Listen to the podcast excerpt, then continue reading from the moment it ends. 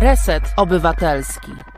Witam bardzo serdecznie. Reset Obywatelski. Minęła godzina 17, a to oznacza, że jest dobra pora. Dobra pora na spotkanie z Wami, drodzy słuchacze, no i przede wszystkim z naszymi gośćmi. A na samym początku, w pierwszej godzinie, będziemy rozmawiali z dwiema wspaniałymi paniami, z Mają Ratyńską i Martyną Łukaszewską.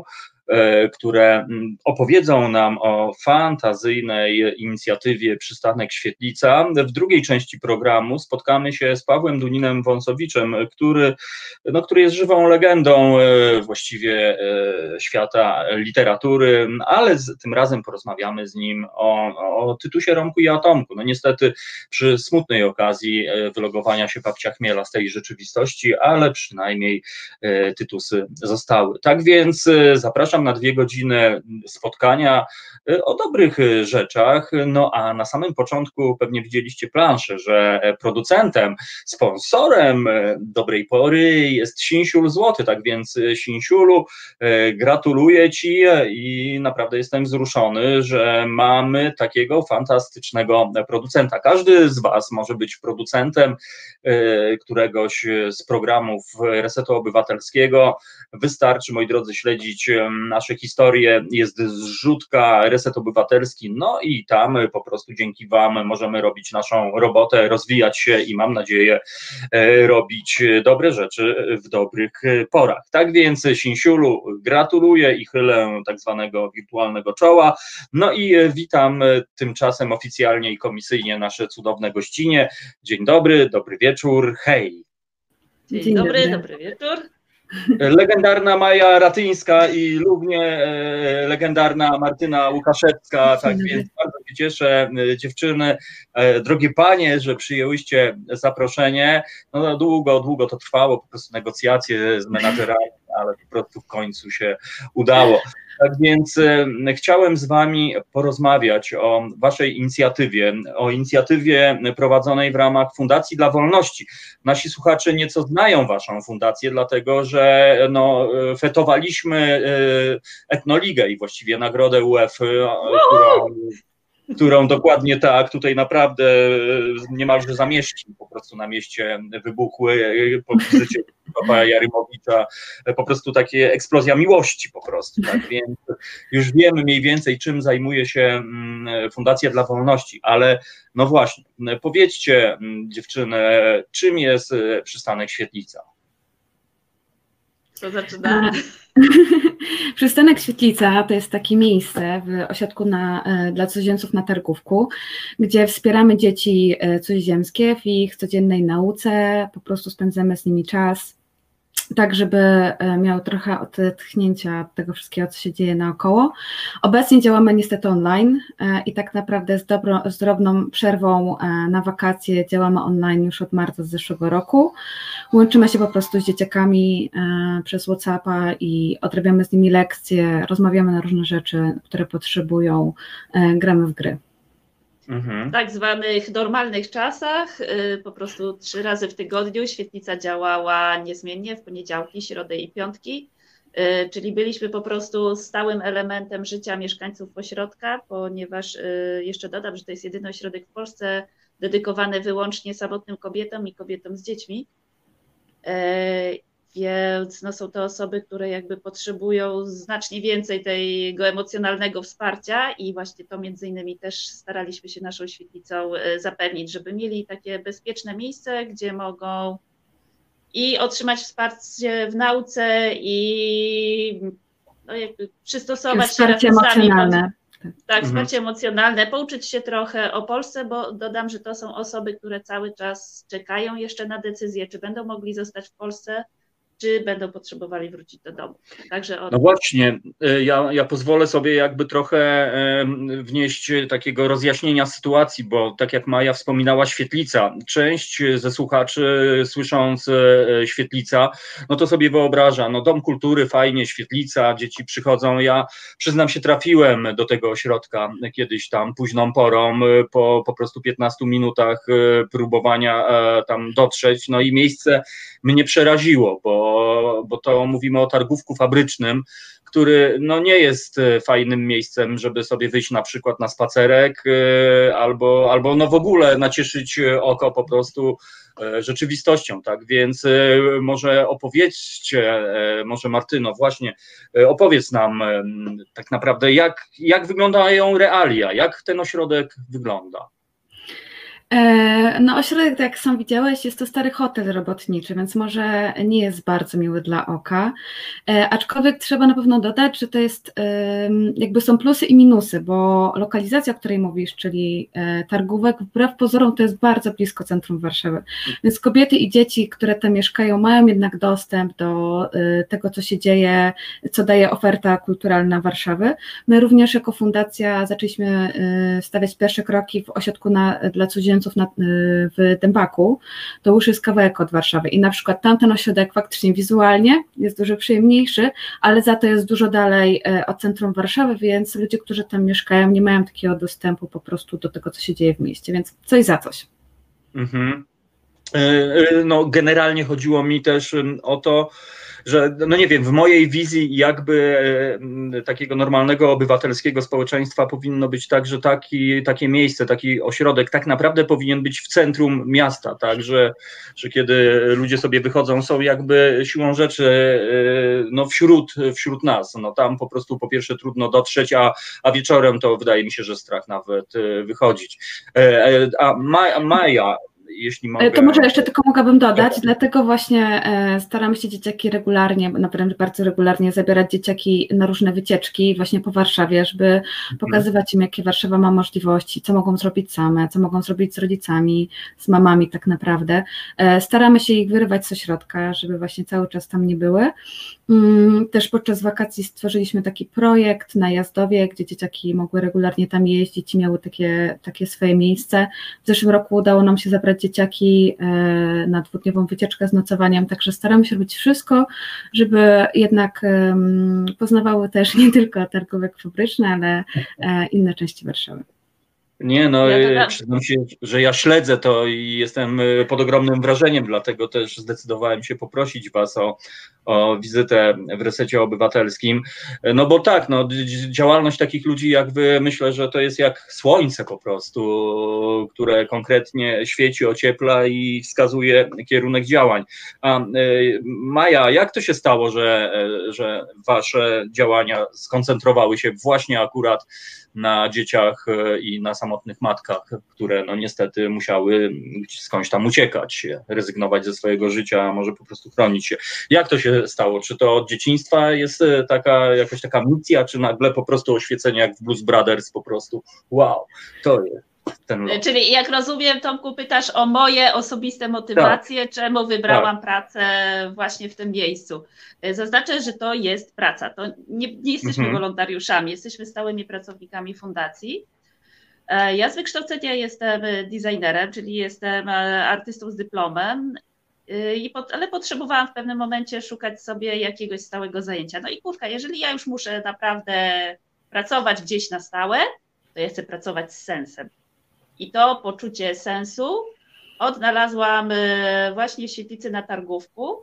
E, takie ośrodki jak właśnie Dębek, o którym wspomniała Martyna, e, czy Linin, który również leży poza Warszawą, poznałam wcześniej w ramach działalności stowarzyszenia Zimba, gdzie pojechaliśmy z prezentacją kapuery na dzień otwarty i w ogóle pierwszy raz wtedy się osobiście zetknęłam z czymś takim jako środek dla cudzoziemców, a koleżanka pracowała w świetlicy i powiedziała, słuchaj, szukamy kogoś, ty sobie dobrze radzisz z dziećmi, może byś tam zajrzała do nas. Chatka. No ale to będzie miało sens. Temu jestem gotowa poświęcić kawałek swojego życia i się z tego cieszyć. I no, to była główna motywacja. Wzięli mnie, mimo że no, nie jestem pedagogiem, mam doświadczenie w prowadzeniu warsztatów dla dzieci, zajęć z dziećmi. Mhm. E, takich ruchowych, kontakt y, jakby pozawerbalny też już miałam ogarnięty a propos tych zajęć z kapuery, więc no dobra, może dam radę, okej, okay, od trzech lat podobno jest ekstra. Capoeira, no Angola. Angoleiros, dziewczyno, po prostu, jak ja słyszę Jezu, Angoleira, to, to mnie tu wykręca, to ja mogę to po birimbał po prostu i sobie pośpiewamy zaraz za chwileczkę. No, Tomcio, ja jestem przygotowana. Tak, to, to ja po przerwie wezmę Pandeiro w takim razie, chociaż, żeby zrobić nie. tutaj baterię i poprosimy e, Martynę, żeby zaśpiewała Ladainię i po prostu... Nie, no to nie, Martynka, nie, nie, Martyna nie jest kapuery. Tak, ale może właśnie dzisiaj odkryła to powołanie, bo, bo no właśnie, no to Maja, skoro, skoro już niestety padło to słowo, bo przyznam się, od kiedy ja poznałem capoeirę, no to jestem świadkiem jej magicznego działania. Na przykład mój, mój człowiek, którego poznałem kiedyś, jak był Ancymonem, sorry, że taka dygresja, ale myślę, że to jest bardzo takie. Rozumiem trochę... cię doskonale, przepraszam. Martyna. Ja wiem, jak to działa po prostu. Tak więc, tak więc przez te 20 lat mojej capoeiry no, widziałem po prostu cuda e, związane, e, związane z tym wszystkim. No to kurczę, capoeirista. To ja teraz Martynę spytam o to samo. Jak to, jak to się stało właśnie, że, że lecisz tak bardzo społecznie, z taką empatią i z taką uwagą po prostu wychwytujesz te wszystkie niestety niedogodności albo właściwie niedo, nie, nie, nie, niedoróbki systemowe, no niestety. Jak to się stało, że ty trafiłaś do Fundacji dla Wolności? No ja tak naprawdę już od czasów licealnych e, wiedziałam, że chciałabym pracować w fundacji i przez e, całe swoje studia e, byłam wolontariuszką w różnych miejscach. Miałam też mały epizod w Polskiej Akcji Humanitarnej i sekundkę po tym, jak skończyłam studia, nawet jeszcze się nie obroniłam, to, to zaczęłam szukać pracy. Jak zobaczyłam ofertę do przystanku, to myślałam sobie, że, że to jest absolutnie praca marzeń, dlatego że można pracować z cudzoziemcami, a jednocześnie jakby ma się realny wpływ na na tą pomoc, bo się pracuje bezpośrednio z beneficjentami tej pomocy y, i po prostu widać to, co się dzieje. Dla mnie e, największym atutem mojej pracy jest to, że mam stały kontakt z tymi ludźmi i, i że po prostu ich znam i, i dla mhm. nich jestem. No właśnie, stały kontakt. To jest to, o czym pamiętam, wybrzmiało mi z rozmowy z Krzysztofem, że czasami jest tak, że ludzie chcą pomagać, jest to taka pomoc jednorazowa, prawda, i wiadomo, lecimy dalej. No a to chyba jednak w tej pracy wydaje, przynajmniej e, mi się wydaje, że to jest chyba jeden z najistotniejszych elementów, żeby to była więź po prostu. Czy generalnie niesienie pomocy e, ma sens wtedy, kiedy to jest przemyślane e, i generalnie regularne, tak? Mhm. No, no. Kiedy będziemy kimś, na kim można polegać, do kogo można pójść, kiedy po prostu osoby potrzebujące w jakimś momencie tej pomocy będą pamiętać, że my jesteśmy i gdzie mhm. nas znaleźć. Mhm. A pamiętacie, e, przepraszam, pamiętacie pierwszy raz, kiedy, kiedy dotarłyście do tego ośrodku, jak to wyglądało po prostu? Pamiętam, tak się stresowałam, że godzinę siedziałam przed furtką, bo nie wiedziałam, czy dobrze trafię, chociaż Maja właśnie była, była pierwszą osobą, z którą pracowałam akurat tego dnia, wytłumaczyła mi, że muszę skręcić tam, a nie tu, ja oczywiście zrobiłam wszystko źle, E, no i tak czekałam na Maję i moja pierwsza styczność z e, świetlicą to była wycieczka do parku linowego. Nie, Łodzie to była druga moja wycieczka. Druga? Na, pierwsza, okay. To była park linowy i pamiętam, że to było dla mnie jakieś takie niesamowite i pamiętam właśnie, że wtedy pan z parku linowego spytał się mnie, a wy jesteście jakąś fundacją? I ja wtedy powiedziałam, tak, tak, pracujemy w fundacji. Pamiętam taką, aż poczułam takie niesamowitą dumę, że, że mogę powiedzieć, tak, pracuję w tej fundacji. Tak, Martyna miała piękny start, ponieważ dołączyła do zespołu latem, kiedy mamy właśnie najwięcej wycieczek, najwięcej takich e, naprawdę angażujących aktywności. E, było to też niesamowicie fajne, bo po prostu dzieciaki od razu skojarzyły ją z najfajniejszymi wydarzeniami w roku, jakie się zdarzają, i ona też mogła ich poznać z tej najradośniejszej, e, najbardziej entuzjastycznej strony. No właśnie, y, ja, ja, też y, rozmawiałem jakiś czas temu z Karolem Grygorukiem, z człowiekiem, który zaangażowany jest w pomoc y, ludziom w kryzysie bezdomności, który po prostu powiedział, że pomaganie daje mu to, że on się po prostu bardzo dobrze czuje, że trochę to jest takie egoistyczne, że, że robi coś fajnego, ale tak naprawdę daje mu to taką energię. Czy, czy wy, wy też tak macie? O i pozdrawiamy koteczka po prostu. Tak, to mój asystent edukacyjny do zajęć online nie mógł przepuścić. A, tak zwana kototerapia online. Słyszeliśmy o tym, to są najnowsze trendy w Bahia po prostu. Tak więc.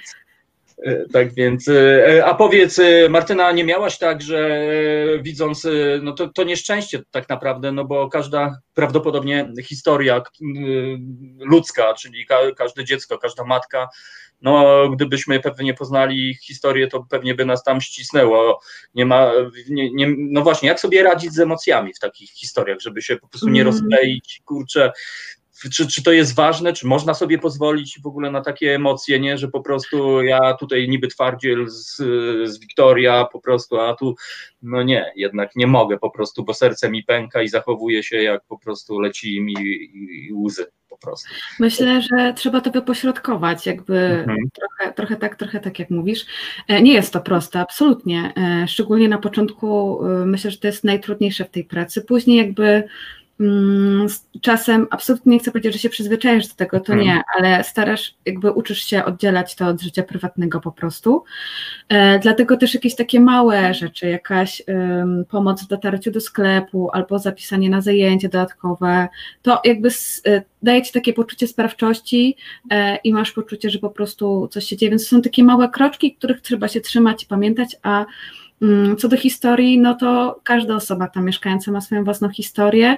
Mm, jak chce się z nami podzielić, to robi i, i dla mnie osobiście jest to bardzo ważne, bo wtedy czuję, że jakby mamy zaufanie takiej osoby, e, ale tak, historie są e, bardzo różne, często straszne i przerażające i często to nie jest koniec, prawda, no bo Polska zazwyczaj nie jest ich kraj, krajem docelowym.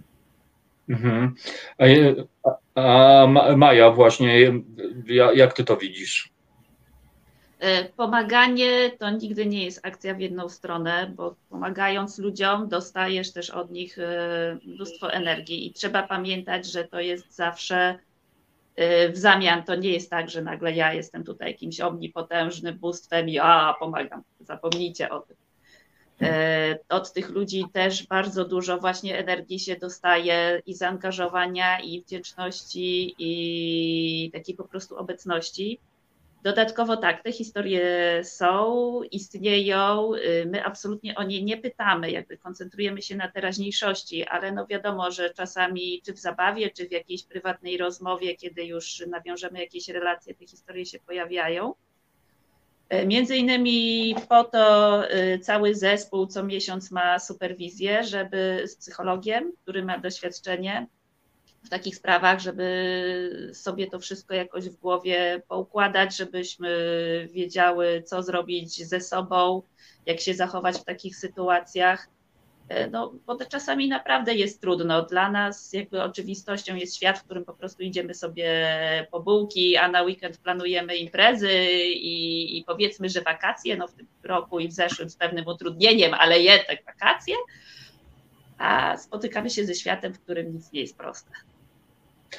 No właśnie, to, to może zróbmy kropeczkę i mały oddech na łyczka herbaty. Poprosimy naszą Asię DJ-kę, żeby nam zagrała. Może Sambaraga tam gdzieś się trafiła po prostu. E, albo coś, ja lecę po Pandeiro e, i... i Dobrze, drogi... mam, pożyczę ci, patrz, podam. A, no dobra, wiesz, to ja wiesz. przeczytuję od ciebie teraz i Asia robi przemiksowanie i poproszę was jakbyśmy, e, jakbyście mogły zostać i spotkamy się za gdzieś tak 2,5 minuty do 2,70 po prostu. E, Martyna e, Łukaszewska i Maja Ratyńska, cudowne gościnie w resecie obywatelskim, aż się normalnie zaczerwieniłem i muszę się napić i dojść do siebie po prostu. To Asia, graj, graj. Słuchasz Resetu Obywatelskiego. Reset Obywatelski działa dzięki Twojemu wsparciu. Znajdź nas na zrzutka.pl. E, no właśnie, dobra pora moi drodzy i e, wspaniałe gościnie Maja Ratyńska i Martyna Łukaszewska. E, wracamy. No ja jak widzisz Maju jestem przygotowany, tak więc możemy rozpoczynać ciąg dalszy śpiewająco tej rozmowy. Ale dobrze, żarty żartami, my sobie tutaj jeszcze pogramy w rodzie. Martyna, niedawno skończył się 2020. Jak jak byście podsumowały ten rok przez pryzmat waszych działań z punktu widzenia przystanku Świetlica? Co udało się zrobić? Jakiś spektakularny sukces, śmigłowiec wylądował, coś takiego, wiem.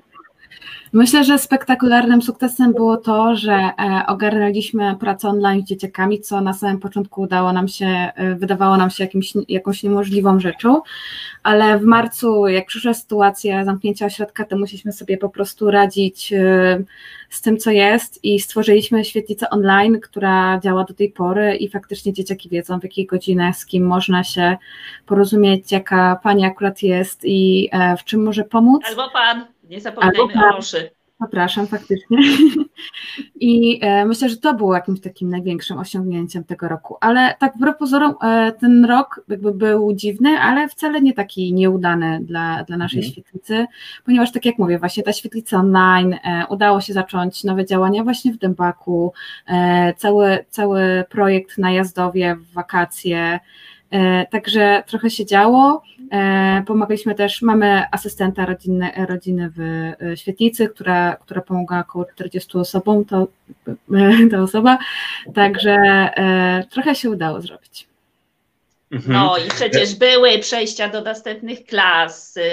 Mamy uczących się w szkołach ponadpodstawowych. Ogarnęli, bo że poszli sami na te egzaminy ósmoklasisty, udało się motywowaliśmy ile się dało. Y, no, jesteśmy bardzo dumni z naszych podopiecznych, że zaufali nam, y, zaufali temu dziwnemu kanałowi łączności, dziwnemu wtedy na wiosnę i mhm. udało się po prostu. No właśnie, Czasami... mówisz Maja, dziwny kanał łączności, jak właśnie z technologiami y, wygląda? Czy, czy tam każde dziecko, nie wiem, ma tableta, smartfona, laptopa?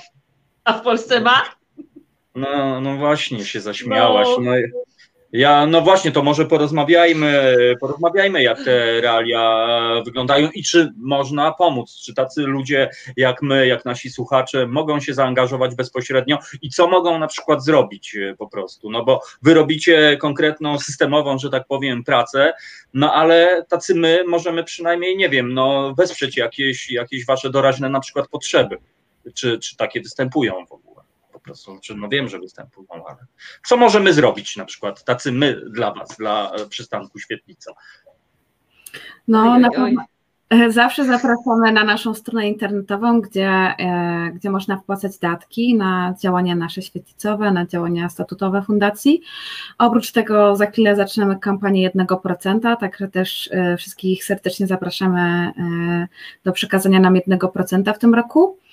E, I to tak naprawdę jest tak, takie dwa główne e, kanały pomocy e, nam. Po prostu finansowa pomoc jest zawsze dla nas jakby najbardziej cenniejsza, bo wtedy sami możemy na podstawie naszego doświadczenia po prostu racjonalnie wykorzystać te finanse. Mm, my z projektów jest, mamy dofinansowanie na wycieczki, na pomoc naukowe dla dzieciaków, także mamy na czym pracować. Na szczęście jesteśmy teraz finansowanie, także jest to, jest to ciągłość, ale zawsze się e, przydają wpłaty na po prostu cele statutowe fundacji, czy na różne inne nieprzewidziane w projektach e, rzeczy. Mhm. Maja, ile osób liczy wasza załoga? Czy wy we dwie robicie tę całą robotę, że tak powiem? Czy, czy jest po prostu 974 osoby po prostu? Imię nasze milion. No, bez przesady. Ach, ile to czekaj? W tej chwili doszły, tak, jest nasz szóstka, yy, doszły dwie nowe osoby tej jesieni. Akurat no, yy, w tym momencie, kiedy całość działa online, więc trochę mają ambitniejsze zadanie z wdrażaniem się, ale dziewczyny świetnie sobie radzą. Mhm. Yy, oprócz ścisłego grona edukatorów w świetlicy yy, jest też osoba zarządzająca całym pomysłem y, przystanku Świetlica, czyli skąd się wzięła Świetlica, chodzi konkretnie o Magdę, y, jedną z twórczyń Fundacji dla Wolności. Y, Magda i Krzysiek stworzyli to razem. I co? Mhm. Każdy z nas jakby ma swoje pole działania. Mamy tych takich bazowych wychowawców świetlicowych i to jest jakby każdy z nas robi tego część.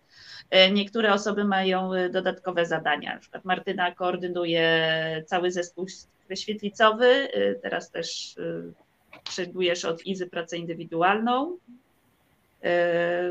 Losza również zajmuje się pracą indywidualną. No, asystentem międzykulturowym. Tak. Każdy wie, za co odpowiada. Teraz też e, dla usprawnienia podzieliliśmy się mniej więcej dziećmi, żeby każde dziecko wiedziało, kogo ma za takiego swojego opiekuna mniej więcej. Mm. Aha. Opowiedzmy jeszcze o innych osobach, które są, no bo jest jeszcze Ewa i Julia, tak. Iza, Elosza, no i my. Mhm. No właśnie, to e, Martynko, konty, kontynuuj, bo, bo naprawdę fajnie, asystent międzykulturowy, kurczę, grubo to brzmi po prostu. E, tak, e, Losza też jest takim asystentem międzykulturowym. To polega po prostu na tym, że wspieramy rodziny w takich codziennych rzeczach, na przykład w załatwianiu lekarzy, albo wspieramy dzieci w jakichś takich konkretnych ich potrzebach, e, robimy diagnozy. Mm, nie wiem, pomagamy w znalezieniu prawników, jeśli jest taka potrzeba. E, mhm. To są albo, to są bardzo często bardzo przyziemne sprawy, także tak, żeby po prostu... Zapisać do przychodni, znaleźć tak, przedszkole. Tak, żeby po prostu łatwiej było im się odnaleźć w, w, w polskim mhm. społeczeństwie, no bo nikim nie dał przewodnika i często idą po omacku. No i właśnie taką rolą asystenta międzykulturowego jest y, no, ułatwienie tej, nie wyręczenie, ale jakby wskazanie drogi. Mhm. No tak, ja sobie śledząc Twoją bogatą e, biografię, to jednak Twoje wykształcenie, widać, że to jak, jednak jakoś tam wcześniej u Ciebie to musiała być ta zajawka, no po prostu.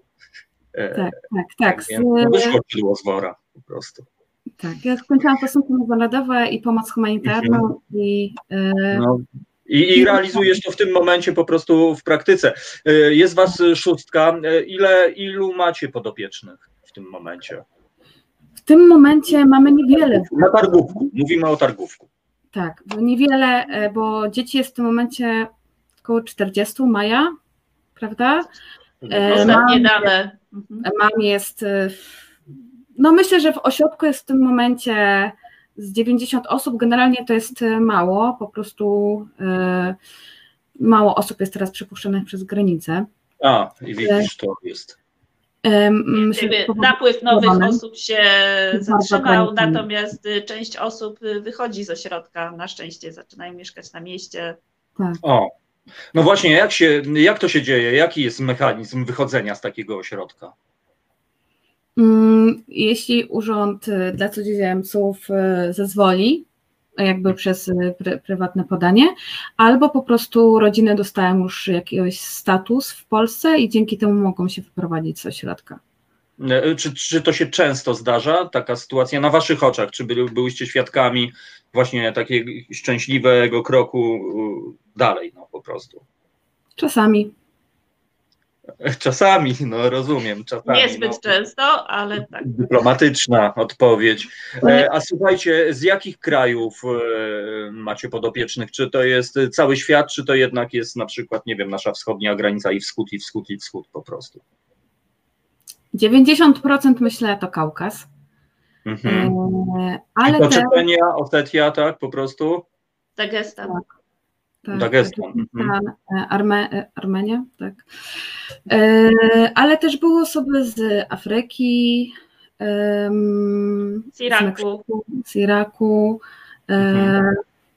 Generalnie Czyli to, to był miks kulturowy, tak, e, tak naprawdę, no jednak to, to, to rzeczywiście ludziom, którzy sobie nie zdają sprawy, no trudno w ogóle sobie wyobrazić jednak, że, że no jeżeli, nie wiem, ktoś, kto jest muzułmaninem trafia e, do nas, no to wcale nie ma tak e, z górki, szczególnie w Księżnej Ani, no, w tamtym ośrodku. No dobrze, czyli mamy ja 40... Ja podziwiam za każdym razem wszystkie, wszystkie panie i dzieci tam mieszkające, bo to jest jest po prostu cała jedna i cała mieszanka kulturowa w jednym miejscu, która korzysta z kuchni wspólnej, ze wspólnych łazienek i oni w, w tym całym kotle międzykulturowym muszą sobie jakoś odnaleźć miejsce dla siebie, znaleźć może odrobinę spokoju, przestrzeni dla siebie i dla dzieci. Ja naprawdę podziwiam za każdym razem, jak tam jestem, bo wyobrażam sobie, że to na pewno nie jest proste. Ja często po kilku godzinach spędzonych tam wychodzę z głową wielkości globusa po prostu, z, z tych wszystkich emocji, z tego wszystkiego, co się tam dzieje, więc mogę sobie tylko wyobrazić, jak to wygląda, jak się tam mieszka przez, no czasami ludzie tam mieszkają po lata, tak, więc e, to się staje ich domem. I mhm. czasami zdarzają się przepiękne sceny, jak na przykład jedna z pani z Kongo z jedną z panią z Czeczenii zaprzyjaźniły się, bo obie miały synków w podobnym wieku, w tym samym czasie wylądowały z nimi w szpitalu. E, no pani z Kongo świetnie mówiła po angielsku, ale pani z Czeczenii świetnie mówiła po rosyjsku, natomiast jakby wspólnego języka takiego urzędowego nie miały, ale miały ten ludzki, że no, piły sobie mhm. kawkę, coś tam pokazywały, to, to gadały się, to było piękne, chociaż to, to są rzadkie sytuacje, że to idzie aż tak dobrze, jednym jakby z zadań y, tych takich mnóstwa pobocznych, które mamy na co dzień, to jest właśnie też y, jakby kierowanie procesami w grupie dzieci tak, żeby jednak one siebie lubiły nawzajem, tolerowały, współpracowały ze sobą. I rozumiem, że, że, jak, jak się porozumiewacie w takim razie po prostu, no skoro, skoro mamy tam cały świat de facto? Czy, czy na miejscu są tłumacze, czy Martyna władasz dwunastoma językami, czy Maja po prostu mówi i płynnie po prostu w, w, Bahia, yy, wiesz... Zacytuję z Ukrainy takiego dwunastoletniego chłopca, bo mamy też osoby z Ukrainy, mhm. z Białorusi coraz więcej że jak ja się wkurzę, to mówię wszystkimi językami świata. Staram się tego nie Działa. robić. Ale e, no, mówimy do nich po polsku. To między innymi Aha. o to chodzi, żeby polski stał się językiem przyjaznej przestrzeni, żeby to nie były tylko urzędy, służby mundurowe, mhm. wywiady w szkole, wywiadu, żeby to był język zwykłego życia, przyjaznego życia, Taki po prostu. To jest super sumie, ważne. robicie taką rolę, jaką ambasady pełnią, tak teraz sobie pomyślałem, że wy jesteście takimi ambasadorkami tak naprawdę i to takimi, kurczę, na poziomie e, elementarnym, ale wiesz co, sorry, powiedziałeś, że się, jak ja się wkurzę, w jakich sytuacjach się wkurzasz na przykład e, w ośrodku? Hmm? To są dzieci. No ja I wiem. No. Wiesz, możesz po prostu... Broją, broją i szukają, gdzie tutaj coś figla płatać po prostu, albo tam... E, najczęściej chodzi o to, że no, mamy w świetlicy pewne takie zasady, na których bardzo nam zależy, żeby wszyscy ich przestrzegali, jak na przykład taka, że y, o, zacznę od jakichś badałów. Na terenie świetlicy nie jemy nie spożywamy posiłków, y, nie przynosimy napojów, y, pożyczamy sobie rzeczy. Możemy bawić się wszystkim w świetlicy, używać wszystkich najwspanialszych part, kredek, mazaków, plasteliny, ale wynieść można tylko to, co się zrobi, czyli gotowy rysunek, rzeźby z plasteliny, takie rzeczy. Co jeszcze? Nie krzyczymy na siebie, nie bijemy. Wydaje się, no, no jakby, jakby mówiła o tym, że niebo jest niebieskie, a grawitacja działa, ale czasami trzeba o tym naprawdę przypomnieć, zwłaszcza, że e, wiele osób, zwłaszcza takich świeżo przybyłych, mhm. ma zupełnie inne nawyki interakcji z grupą, z konkretnymi osobami. E, no i czasami trzeba dość stanowczo przypomnieć o zasadach działania świetlicy, a jeżeli jest to ignorowane, bardzo stanowczo poprosić, e, żeby ktoś wyszedł na 5 minut i wrócił za te 5 minut, jeżeli naprawdę chce. To srogo. Nawet na 15, słuchaj. no to ja e, Dodam jeszcze, dodam, to wiesz, y, do świetlicy przychodzą te dzieci, które chcą. Mhm. Mogą w każdej chwili wyjść. Mhm. Więc bardzo często też jesteśmy po prostu takim murem, o który rozbijają jakieś swoje emocje, napięcia dnia dzisiejszego, żeby sprawdzić, że ten mur tam kurka jest, zawsze będzie i wracają. No ale mhm. nie mogę udawać, że jestem cały czas uśmiechnięta, skoro nie. Jakby szczerość emocji jest super ważna, szczerość bycia z dzieckiem, z każdym dzieckiem, nie tylko takim naszym mhm. ośrodkowym. Y, więc no, widzą, że coś mnie zezłościło, ale też widzą, w jaki sposób ja sobie z tą złością czy z y, niezgodą na coś radzę, i to są jakby kolejne poziomy edukacji, które my im zapewniamy. No ale tak jak sobie słucham, no to widzę, że to naprawdę mocno w, te, w obie strony działa, że wy im dajecie i też jednak to buduje e, coś tam ważnego, a Wiewiór, nas słuchacz pyta, żebym wydobył od was wasz adres po prostu, bo tutaj już jest akcja społeczna po prostu. Ale adres fundacji czy adres ośrodka? No właśnie, no jak z wami się kontaktować celowo, czyli e, jeśli chodzi o przystanek Świetlicy? Zapraszam na...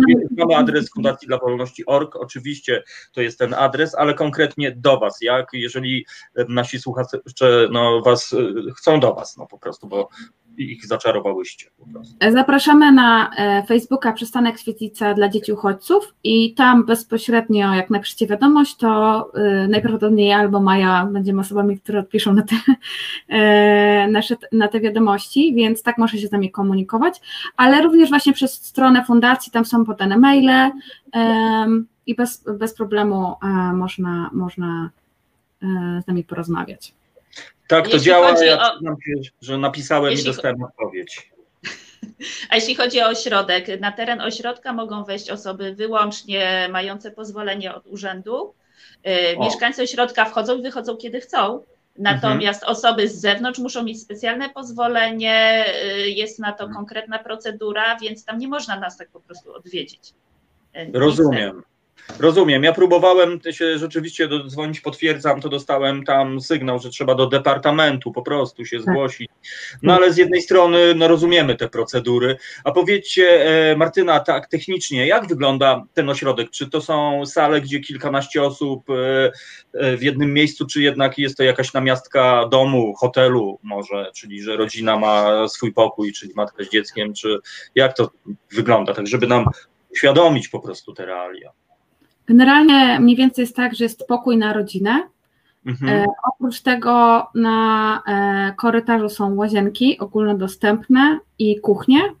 Mniej więcej po, na, na dole jest jedna kuchnia, na górze są e, dwie kuchnie. E, no to jest taki pokój wielkości 12 metrów kwadratowych plus minus. Większy, większy. To ja, większy? Ja mieszkałem w takim po prostu. Nie, powiedziałabym, że tak 14-16 bliżej. Ale zakładam, że mieszkałeś sam, a nie z czwórką. Nie, czteroosobową rodziną z psem i kotem. Takie no. bardzo duże rodziny mają czasem dwa pokoje. Tak, jeśli już jest naprawdę Aha. dużo dzieci, akurat jest taka przestrzeń w ośrodku, że jest jakiś wolny pokój, to faktycznie większe rodziny dostają dwa pokoje. Mhm. Mm, no i tak, po prostu mają swój przydzielony pokój. Yy, z którego korzystają i z... Piętrowe łóżka w tym pokoju. Tak, piętrowe jest to, jest to jednak no, najważniejsze, że jest bezpieczne, no i myślę, że, że jednak to jest w ogóle najistotniejsze w tym wszystkim. A słuchajcie, jak, e, czy wiadomo, pandemia teraz no, musiała zresetować albo pozmieniać no, plany wszystkim. A co, co kombinujecie na ten rok? Coś specjalnego, może jakiś festiwal, może jakiś, jakaś misja, może tak Norris podobno przyjeżdża. Jak to tam właśnie wygląda. E, planujemy robić to, co robimy najlepiej, czyli e, po prostu stale pracować z dzieciakami, a o wszystkich e, super eventach i super rzeczach będziemy na bieżąco um, informować na naszym Facebooku, na którego bardzo zapraszamy. Tam po prostu na zasadzie informujemy, co się dzieje, co robimy z dzieciakami, o mhm. wszystkich hmm. sukcesach, trudnościach, wszystkim, co się dzieje. Myślę, że nie ma co mówić o naszych jakichś wielkich planach, okay. bo nas nauczył ten rok, to to, że możemy sobie planować, a będzie jak będzie. Więc y, zapraszam po prostu naszego Facebooka i będziemy na bieżąco, zresztą robiąc do tej pory wszystko opowiadać. No to e, obiecuję, że tak będzie. Ja ze swojej strony Radio Konca na pewno jeszcze bardziej obiecuję po prostu. Tak więc już poza anteną mam nadzieję e, będziemy kontynuowali e, misję. Po prostu ja Wam bardzo dziękuję za ten czas, który przeleciał. Po prostu jak po prostu piosenka grana na birimbale w stanie Witoria. Po prostu nasze cudowne gościnie Maja Ratyńska na górze.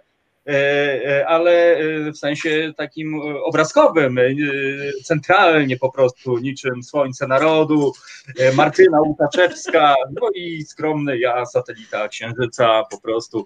Tak więc Reset Obywatelski, dobra pora, bardzo Wam dziękuję. Przystanek Świetlica, Fundacja dla Wolności, ale no mam nadzieję, że że po prostu zrobicie i będziecie po prostu robić tę niestety, znaczy stety właściwie, bo to jest piękna chyba praca tak naprawdę. E, w imieniu swoim słuchaczy bardzo Wam po prostu dziękuję i mam nadzieję po prostu do zobaczenia, usłyszenia i do wspólno działania po prostu. Do zobaczenia. Dziękujemy, do widzenia. E, no dobrze, e, drodzy słuchacze, trochę mnie poniosło, no ale mm, to są emocje. Przystanek Świetlica, Księżnej Janny, Targówek Przemysłowy, miejsce naprawdę tajemnicze, ale dzięki takim cudownym osobom, z którymi e, miałem okazję rozmawiać, mieliśmy okazję rozmawiać, naprawdę, no ten świat się zmienia i to, i to może małymi kroczkami, ale konkretnie wymiernie i to jest ekstra po prostu, więc jestem wzruszony i, i po prostu pamiętam pierwszą rozmowę z Krzysztofem a propos etnoligi, to ja już wiedziałem, że to jest niezły Ancymon. No ale skoro jest niezły Ancymon, no to tylko e, takich ludzi może przyciągać. Tak więc wielki szacunek dla Mai, dla Martyny e, i my poprosimy naszą DJ-kę, żeby nam coś tam e, zagrała, takiego bujającego reset obywatelski. Ja przypomnę, że producentem dobrej pory jest Sinsiul, Złoty Sinsiul, a dla Sinsiula po prostu. E, i każdy może być producentem. Wystarczy, że odwiedzicie zrzutę, moi drodzy, i powiecie, ja chcę być producentem dobrej pory, bo chcę widzieć swoje po prostu logo centralnie, wszyscy mi zazdroszczą, rano sąsiedzi będą po prostu, czy to pan jest tym legendarnym sinsiulem po prostu, a w spożywczaku na rogu bułeczki o dziwo będą miały rabacik po prostu, tak więc e, moi drodzy, e, można to robić. Wracamy za chwilę po przerwie. Paweł Dunin-Wąsowicz, no nie wiem jak go określić, bo po prostu musiałbym wymieniać chyba z godzinę po prostu jego zasługi dla literatury i dla kultury tak naprawdę. Tak więc zostańcie z nami, odświeżajcie swoje szafy, wyciągajcie Tytusa, Romka i Atomka, no i wracamy za trzy minutki. Tak więc e, do usłyszenia, hej, cześć. Słuchasz Resetu Obywatelskiego. To jest Reset Obywatelski. Tworzymy go razem. Dołącz do nas na YouTube, Facebooku i Twitterze. E, no, reset obywatelski, dobra pora, no i kontynuujemy, kontynuujemy dobrą porę. No i kolejny gość, e, Paweł Dunin-Wąsowicz, e, krytyk literacki, publicysta, dziennikarz, wydawca, no to dzięki niemu świat usłyszał o wojnie polsko-ruskiej i Dorocie Masłowskiej. Tak więc witam Ciebie, Pawciu, bardzo serdecznie. Hej! Cześć. No właśnie, e, poprosiłem Cię o spotkanie przy okazji, no właśnie trochę smutnej przy okazji, no ale ten moment niestety musiał nadejść, czyli po prostu Papcio Chmiel e, no, postawił ostatnią e, kropkę w historii Tytusa Romka i Atomka i się wylogował. Ty miałeś przyjemność poznać Papcia Chmiela, no i może od tego zacznijmy. Pamiętasz pierwsze spotkanie, Paweł, z Papciem Chmielem? To było jak. Pamiętam, ale mi się zle, chyba zlewają dwa pierwsze spotkania, bo byłem u niego w mieszkaniu na Siekierkach ze dwa razy. I nie pamiętam, czy to było robione jeszcze do życia do Warszawy, czy już do Machiny. Mhm. Czyli to było jakieś 25 lat temu. E, ja wcześniej napisałem, powiedzmy inaczej, e, na początku lat 90 E, relikty kultury PRL, takiej popkultury z czasów Polski Ludowej, nie było jeszcze na to takiej mody, jak jest dzisiaj. na przykład, co napisze Olga Drenda, to e, okazuje się, że to są ciekawe rzeczy, ten okres przejściowy i tak dalej. Natomiast mnie się zachciało, i też te rzeczy nie były wznawiane. Więc mnie się zachciało przejść do Biblioteki Narodowej, przejrzeć Stare Światy Młodych i odkryć, że Tytus wcale nie powstał z plamy tuszu. O! No bo prawda jest taka, że e, ja, ja to i napisałem e, jeden tekst, który był też streszczeniem e, tych, tych najstarszej serii o Tytusie. Ja mhm. to opublikowałem w piśmie Lampa i Iskra Boża, które wtedy wydawałem raz na pół roku. Ale napisałem też taki tekst bardziej dziennikarski do życia Warszawy, chyba mhm. próbując różne takie powyciągać rzeczy z historii Tytusa. I później jeszcze, a później to ja już y, nie pamiętam. W każdym razie jakoś doszło do tego, że, że, że, że, poszedłem na jakąś rozmowę do papcia i e, no i te, parę razy w życiu porozmawialiśmy. Mhm. E, natomiast w ogóle jak wracając do później, jakieś 15 lat temu, wznowiono te pierwsze serie czarno-białe Tytusa mhm. z 57 roku i późniejsze, które się częściowo na przykład pokrywały z, część, z przygodami kosmicznymi, ale powiedzmy tak, pierwsza i, pierwsze wprowadzenie Tytusa na scenę, a raczej w ramki komiksu, e, to było uczynienie z niego zwierzątka doświadczalnego. Romek i Atomek w, pierwszy, w pierwszych komiksach w 1957 roku jesienią e, idą na wystawę kosmiczną i niechcący startują rakietą. I tam znajdują małpeczkę doświadczalną. I to jest prawda o Tytusie. Później nastąpiła wersja apokryficzna, mhm. że rzekomo babcio rozlał tusz i z tego to babcio trzy razy przecież rysował początek, początek pierwszej księgi. No więc to są takie szczegóły dla, dla takich już bardziej hobbystów. Natomiast oczywiście e, jak się na tym wyrastało, na przełomie lat 70., mhm. 80., jak się chodziło do kiosku trzy razy w tygodniu, bo świat młodych się ukazywał trzy razy w tygodniu. Przy tym świecie młodych jakieś bzdury były zupełnie publikowane, ale na ostatniej stronie były, tytu, były komiksy, że nie tylko o Tytusie. One dopiero później, jakieś dwa lata później były zbierane w te książeczki. Że, że pamiętam, że po dwóch latach się ukazywały, na przykład 11 mhm. księga czy, czy 12 od premiery. No tak, rzeczywiście pamiętam jak dziś, że czekało się na te światy młodych z nożyczkami, wycinało i y, do zeszyciku. Ja, ja pamiętam, że byłem zaskoczony, Paweł, bo ja byłem pewien, że o Tytusach wiem wszystko do momentu, kiedy spotkaliśmy się. I pamiętam kiedyś w redakcji Machiny y, przyniosłeś mi ksero, y, ksero między innymi, które mam, tych właśnie pierwszych wersji, pierwszego Tytusa. No i powiem Ci, że właśnie miałem mętlik w głowie. O co, o co tutaj wszystko chodzi po prostu.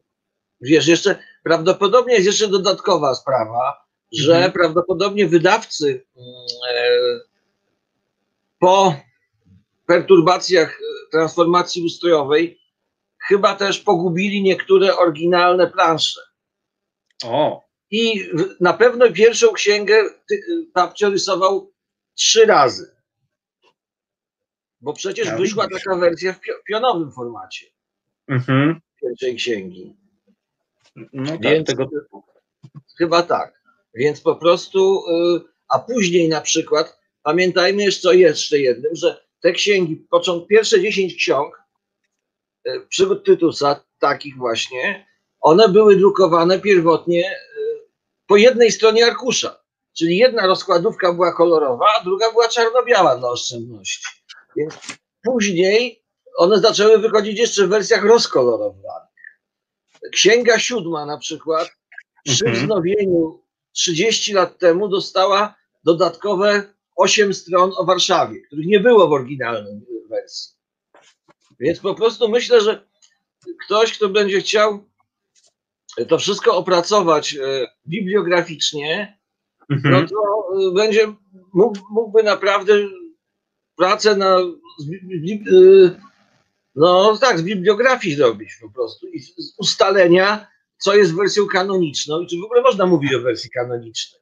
No Natomiast właśnie, wersja kanoniczna to jakaś komisja musiałaby się chyba w tym momencie zebrać, w której ciebie bym widział na pewno. No tak. Natomiast ja kiedyś, jak z kolei w przekroju pracowałem 18 lat temu, zrobiłem chyba kiedyś alfabet Tytusa i tam opublikowałem. Mhm.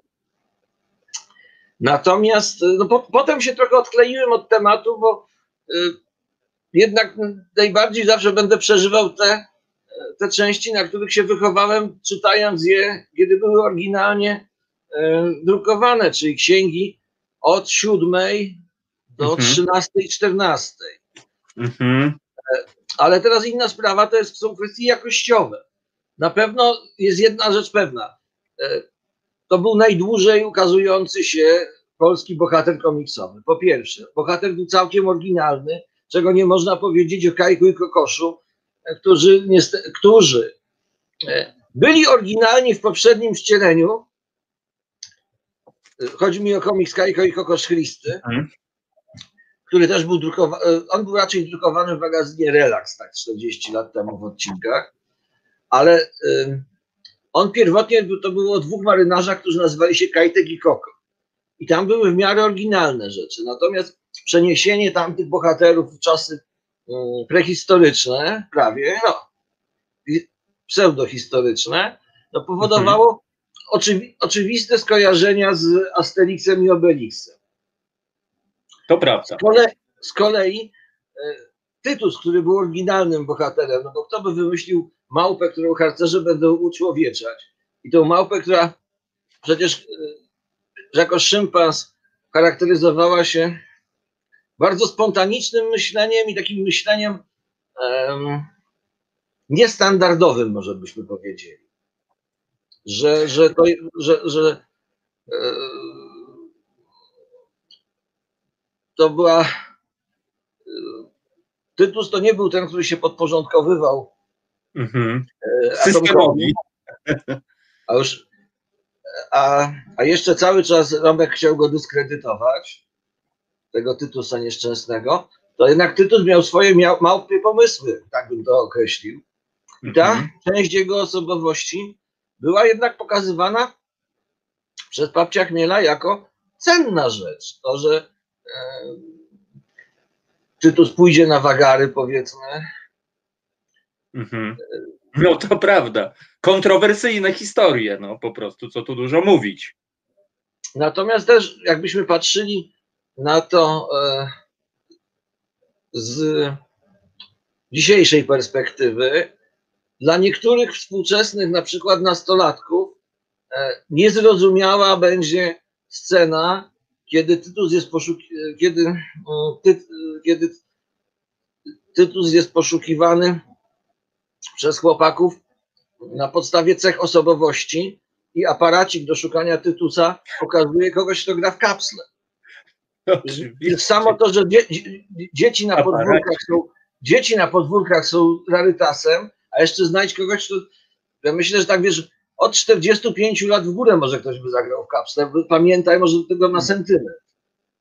No a dzisiejszy osprzęt, dzisiejszy osprzęt, e, jak to się mówi, gierczany, bo jest tak, takie śmieszne słowo, takie słowo modowe obecnie, to jest słowo gierczany, to raczej nie przewiduje gry w kapsle. A może widziałeś na przykład elektroniczną wersję gry w kapsle? No nie, nie widziałem, ale mam e, bilard indyjski karom, który nieco przypomina e, grę w kapsle i, i polecam. Ale rzeczywiście przypomniałeś mi aparacik, bo e, no, to też było tak z tym tytusem, że już odrzucając, właściwie zostawiając tą całą nadbudowę, że dla takich ludzi jak my, dla młodych ludzi wówczas, no to była totalna inspiracja. Tak jak Ola pisze na czacie, że ktoś z nas nie miał małpich pomysłów, ale rzeczywiście to Papcio Chmiel otwierał naszą wyobraźnię. Ja pamiętam jak odcinek z rakietowozem, no to ja po prostu pojechałem specjalnie do babci na wsi, tam rozmontowałem kawałek domu po prostu, żeby budować rakietowóz z kolegą po prostu, bo to było tak A ten realne. Czwartej, ten z czwartej księgi, czy jakiś inny? Rakietowóz, nie chcę być nieuprzejmy. Wojskowej? Tak, z czwartej księgi dokładnie, z tej A, oto po prostu tak. E, cudownej e, księgi, gdzie po prostu no, no, mnóstwo rzeczy można było się dowiedzieć, że na przykład pieprz e, trzeba rozsypać, żeby psy nas nie, wyt, nie wytropiły i tak dalej, i tak dalej. Paweł, jak sądzisz, na, na ile Tytus był nie wiem, nie chcę powiedzieć alter ego papcia Chmiela, ale na ile Tytus był papciem Chmielem po prostu? Bo tak mi się wydaje, tak sobie całe życie o tym myślę, czy, czy jednak to właśnie w tej postaci e, nie był wpisany. I może, może był kimś, kim Kapciach nie chciałby być.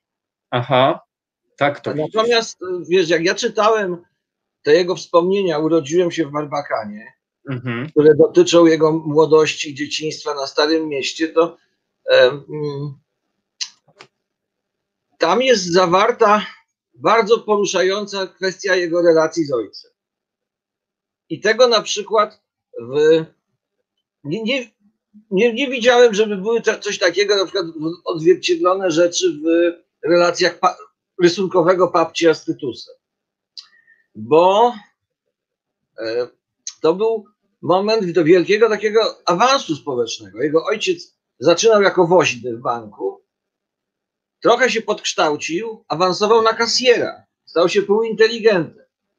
Dorabiał, pożyczając e, lornetki w teatrze, po to, żeby ten synek, który był trzecim dzieckiem, ale wcześniej były dwie, dwie, dwie, dwie córki, no a to prawda była ta męska duma, Beniaminek, żeby ten synek został wykształcony, został posłany, dostał to, czego ojciec nie miał. Posłał go do gimnazjum, za które się płaciło. E, po pierwsze. Po drugie, e, e, kupił mu na przykład rower w częściach, taki, żeby miał, tak jak inni zamożni koledzy. I następuje wybuch wojny, 39 rok, i cała ta kariera ta jego ojca, tuż przed maturą Henrysia, po prostu pada. Ojciec załamuje się, jest schorowany i Henryś przejmuje rolę żywiciela rodziny. I to jest coś, czego na przykład my nie dostrzegamy w babci, bo babciu się mhm. bardzo chętnie eksponował jako żołnierz powstania warszawskiego, w którym, jak wiadomo, walczył tylko jeden dzień, bo się zaraz dostał do niewoli. No niestety, tak, tak wyszło tam, jak atakowali Okęcie. E, prawda, to jest eksponowane. On eksponuje to, że urodził się w Barbakanie, ale te rzeczy rozczulające, rodzinne, właśnie, które pytasz, czy można by było identyfikować autora z jego bohaterem, mhm. to to jest zupełnie, wychodzą zupełnie inne tropy.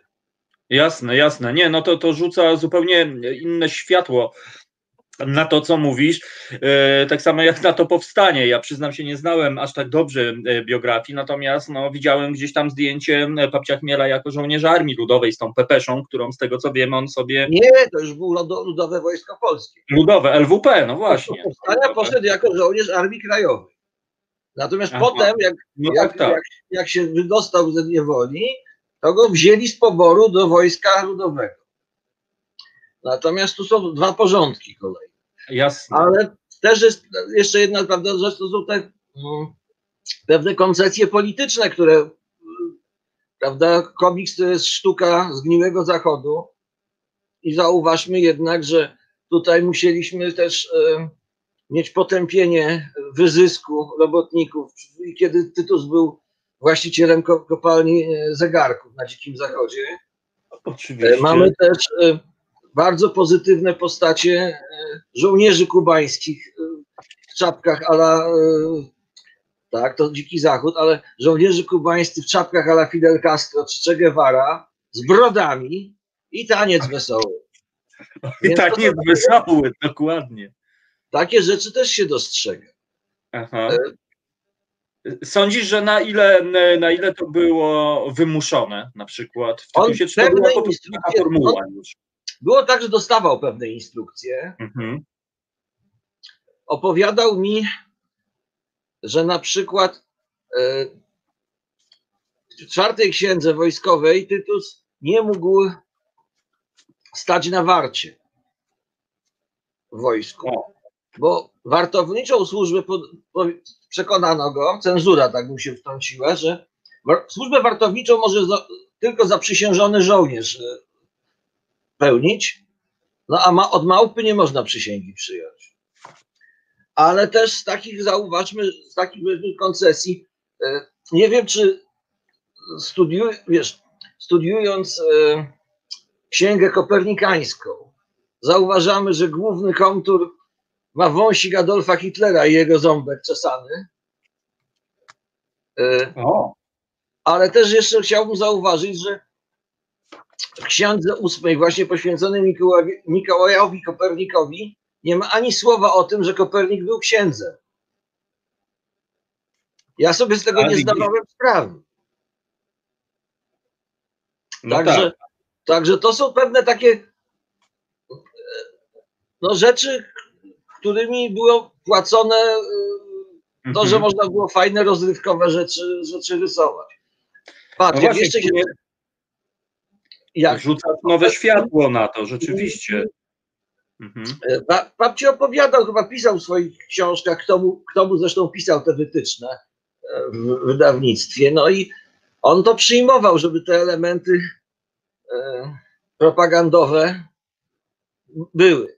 Potem się mhm. troszeczkę przy tych po 89 roku już się trochę wyżywał w drugą stronę. No, Wiesz, na przykład jest jeszcze jedna ciekawa rzecz, że na przykład do też przeczytawszy, mm, mm, właśnie urodziłem się w Barbakanie, e, które zresztą zostało później wznowione pod innym tytułem, to jest jego pierwszy tom wspomnień. Tam jest coś, co się powtarza u jego rówieśników, to jest kino. To jest po prostu to, z czego wynika e, cały odcinek westernowy, dziewiąta księga, że chłopcy z pokolenia, później nazwanego pokoleniem Kolumbów, to byli wielcy miłośnicy westernów. Jakbyś po, to, to, samo jest u e, Tyrmanda, który był od babcia Chmiela e, dwa lata starszy. To samo jest u Józefa Hena, który jest rówieśnikiem babcia Chmiela. Ja zresztą bardzo ciekawą jedną ciekawą rzecz kiedyś wypatrzyłem, że e, Hen i Chmielewski byli w tym samym wieku, e, mieszkali w promieniu dwóch kilo, półtora kilometra, a ich drogi do gimnazjów przecinały się. To, na, oni przez 2-3 lata codziennie się mijali, to co jak wynika, tylko nie wiedzieli o sobie do końca życia. Prawdopodobnie. Że w Nowolipiu właśnie Józek idzie z Nowolipia na róg senatorskiej i miodowej, a Henio idzie z Nowomiejskiej na róg marszałkowskiej i królewskiej. Gdzieś na placu teatralnym oni się pewnie mijali. Mhm. Napisałem nawet o tym taki tekst 5 lat temu do, do stolicy i wtedy zadzwoniłem ostatni raz do babcia Chmiela, pytając, myśląc, że coś więcej wyciągnę od niego. Myślałem, że mo, może na przykład zna twórczość Hena, że można, oglądał mhm. film Prawo i Pięść, ale mówił, że nic mu to nie mówi. Bo Prawo i Pięść to jest przecież też kolejny przykład western. tego po, przedstawiciela tego pokolenia, który zrobił western też na ziemiach odzyskanych. W końcu zły Tyrmanda też jest rodzajem westernu. No. Więc to są takie tropy może mniej oczywiste. E, ale jakże ciekawe, wiesz, rzeczywiście to teraz e, to wszystko naprawdę nabiera innego kontekstu. My oczywiście śmiejemy się, e, posługujemy się cytatami, minęło 300 strzałów znikąd, kopalnia zegarków, wielebny orety, no ale, ale to też akurat jest trochę tak znak czasu. Wklej bo... swoją fotografię. Dokładnie tak. Paweł, wiele osób podkreśla, że dzięki Tytusom tak naprawdę zawdzięcza w swoją edukację, wiesz, łącznie ze mną, znaczy to, tą edukację umiarkowaną oczywiście, bo ja pamiętam swoje czasy podstawówki, no to nie, nie nauka mi w głowie, tylko właśnie to i to było po prostu wiedzą o świecie, ale też jakby otwieraniem horyzontów i, i tak naprawdę otwieraniem mm, wolności. E, no. Ja myślę, że najbardziej udały się edukacyjnie te tomy, w których e, albo może inaczej, może ja po prostu zapamiętałem to, bo ja mhm. nie wtedy czytałem na bieżąco, ale taką największą sympatię pod względem edukacyjnym e, to miałem do księgi siódmej właśnie e, geograficznej. Mhm. Geografia Polski. Bo no tak, ten, tytuł Pokładkowicz. świata to była takie bardziej oczywiste rzeczy. Tak, tutaj tak. pokazywał, że w Polsce jest jakaś siarka, że jakiś węgiel, z czego słynie tu, tu Roszów przecież. Surów. Oczywiście, każdy to przecież dobrze wie. No i tam przed, przede wszystkim e, światu objawił się krowokór, co, co myślę, że, że dziwię się, że, że, że żaden Marvel ani DC Comics jeszcze tego nie podchwyciło i nie kupiło praw autorskich do krowokura po prostu. No ale może, e, może kiedyś się doczekamy.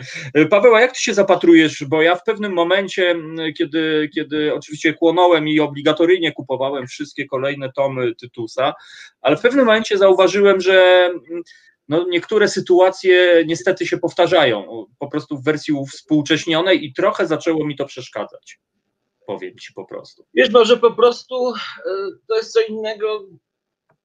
A, a, a 15 Bonda byś obejrzał? No w sumie tak. No masz, ma, Ja znaczy bym no, obejrzał może 16.07 zgłoś się, ale Bondem No tak. na przykład. no ja, ja, ja mam, która jest twoja ulubiona w ogóle? Już ym, nie mówimy o wątku pedagogicznym, ale taka, która y, rozpalała twoją wyobraźnię najbardziej, Któ, jeśli mógłbyś wskazać. Wiesz co, to trudno nazwać jedną ulubioną. Bardzo lubię z tej perspektywy e, te, które chyba po prostu czytałem na żywo. Co to Czyli- znaczy? Czyli e, geografia siódma, Aha. Ósma, e, dziesiąta na bezludnej wyspie, Mhm. gdzie są poszczególne epoki antropologiczne no, pokazywane. Mielolot. I mielolot cudowny się objawił. Tak, tam był wielolot. Dokładnie, mamy mielolot. E, Na pewno zabytki historyczne. Mhm. Czyli tu mamy księgę do odmiany. Tak jest, jest. Prasolot prasłowiański. Prasolot. Natomiast y, myślę, że potem niektóre te księgi to już były pisane y, za bardzo z tezą. Mhm. To O, znaczy, to a znaczy na przykład, którą masz na myśli? wiesz co, o ile geologiczna była śmieszna, Mhm. to plastyczna na przykład i muzyczna już zupełnie nie bawiły. Mhm. No ale w No geologicznej jest jednak ten bardzo proroczy moment, to znaczy, kiedy znajdują tą, tym, mm, czekaj, to był e, wkręt, wkrę, wkrę, wkrętolot? Nie, Krętacz. wkrętacz. Przecież oni dokopują się do zasypanej cywilizacji Atlantydy, która ma za dużo śmieci, gdzie jest o tym, że ludzie mieli po kilka telewizorów różnych rzeczy. To jest trochę jakbyś już, że to było pisane z perspektywy y, cywilizacji niedoboru, a Mhm. przecież my teraz jesteśmy zasypani takimi śmieciami. Mhm. No tak. Przewidział. Wizjoner. Tak samo też na Wyspach Nonsensu ten nadmiar samochodów. No tak. I to, że tytuł No sobie tak, tak.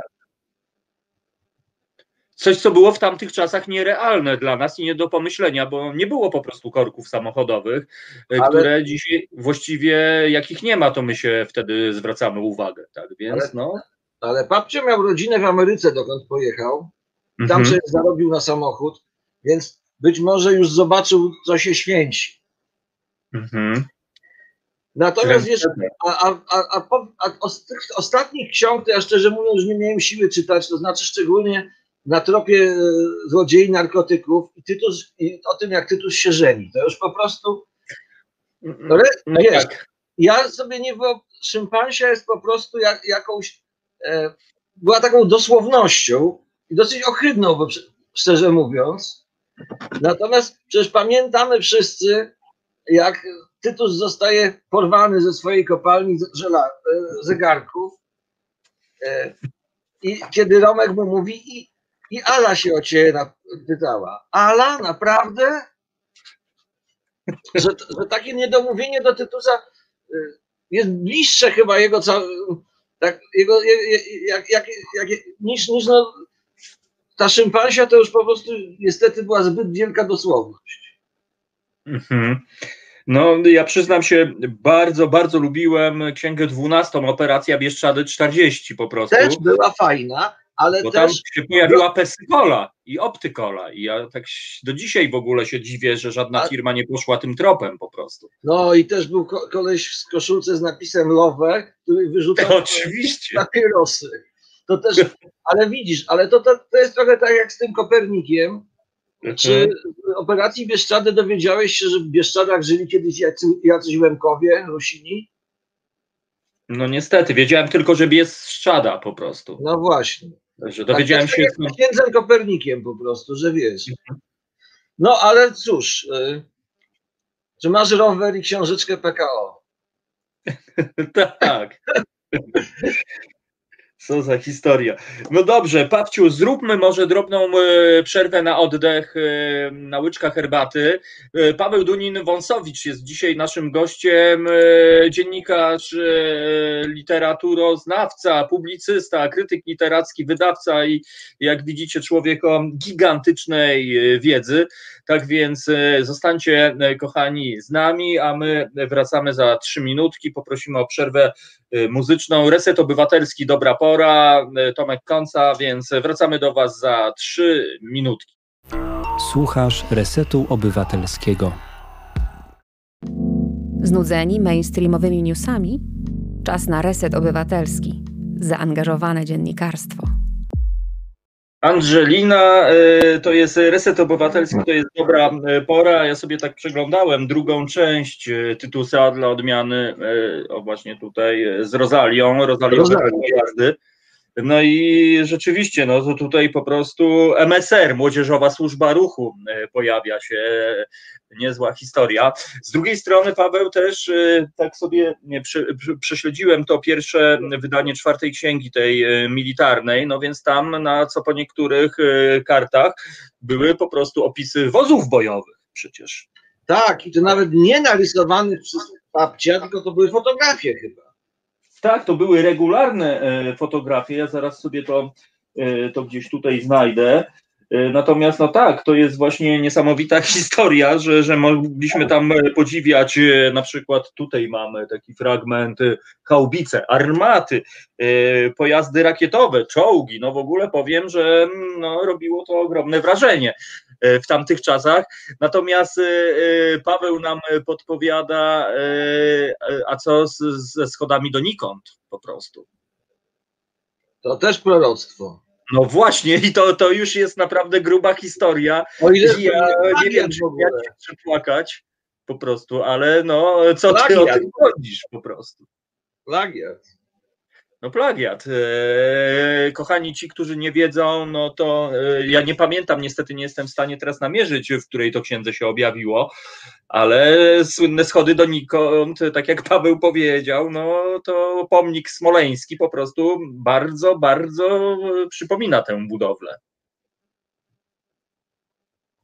E, no dobrze, Paweł, powiedz mi, E, w takim razie, e, czy ty śledzisz, ile w ogóle tytusów się ukazało, czy, czy w pewnym momencie... Te, sprawdzałem, do, do Wikipedii zajrzałem przed naszą o. rozmową. Regularnych ksiąg ukazało się 31. Mhm. Oprócz tego ukazało się ze trzy takie właśnie zbiorówki typu Księga Zero, gdzie były przedrukowane jakieś rzeczy tylko w świecie młodych dawnym drukowane. Mhm. I potem jeszcze na, po, w ostatnich 10 latach, po, bo ostatni chyba regularny Tytus wyszedł w 2009, Tytus, mhm. wyda, y, Tytus pojawił się w 11 albumach, których były takie wielkoplanszowe. Że to nie był mhm. komiks ze stronami podzielonymi, tylko jedna plansza na stronie. Mhm. E, ja próbuję, nie chodziło o taki, tak, taki format, nie, nie. To chyba Takie w twardych oprawach one były. Du... Aha. E, Ale... Dobra, dobra, kontynuuj. One miały częściowo historyczny charakter, częściowo. Szczerze mówiąc, znam tylko dwa czy trzy z tych albumów. To znaczy, teraz czytałem w Wikipedii ich listę, to no mówię, ze dwa czy trzy kojarzę a ich było 11. No ale one były mało fabularne raczej już. No właśnie. Jak ty się zapatrujesz na e, filmową wersję Tytusa? No bo Nie, była, był była karkołomna historia. To był koszmar, bo e, po, po, prostu nie, nie Papcio pisał, nie Papcio rysował, e, ale jeszcze co gorsza, on był sprzeczny wewnętrznie. Bo przecież e, scenariusz dotyczył e, tego, że komercja jest rzeczą złą, mhm. a jednocześnie w filmie zastosowano produkt placement. O. No, ja pamiętam to, że to mi się rzuciło w oczy, że y, wiesz, jak mm, coś takiego y, trafiasz, no to ręce opadają po prostu. No, no właśnie, jak no, przyznam się, też mam problem. Robić, dzieciom po prostu była robiona woda z mózgu. Mhm. Ja też mam trochę problem słuchając na przykład y, reklam, wiesz, z wykorzystaniem y, postaci Tytusa, prawda? Y, no jakoś, kurczę, rozumiem, że trzeba z czegoś tam żyć, ale ten pomysł akurat mi się trochę nie podoba. Ale wracając do filmu, no ja całe życie sobie próbowałem wyobrazić głosy. Jakim głosem posługuje się Tytus? Jaki jest no, jego... No, no więc właśnie. I tu, właśnie. I, tak. tu, I tu niestety jest potworne rozczarowanie.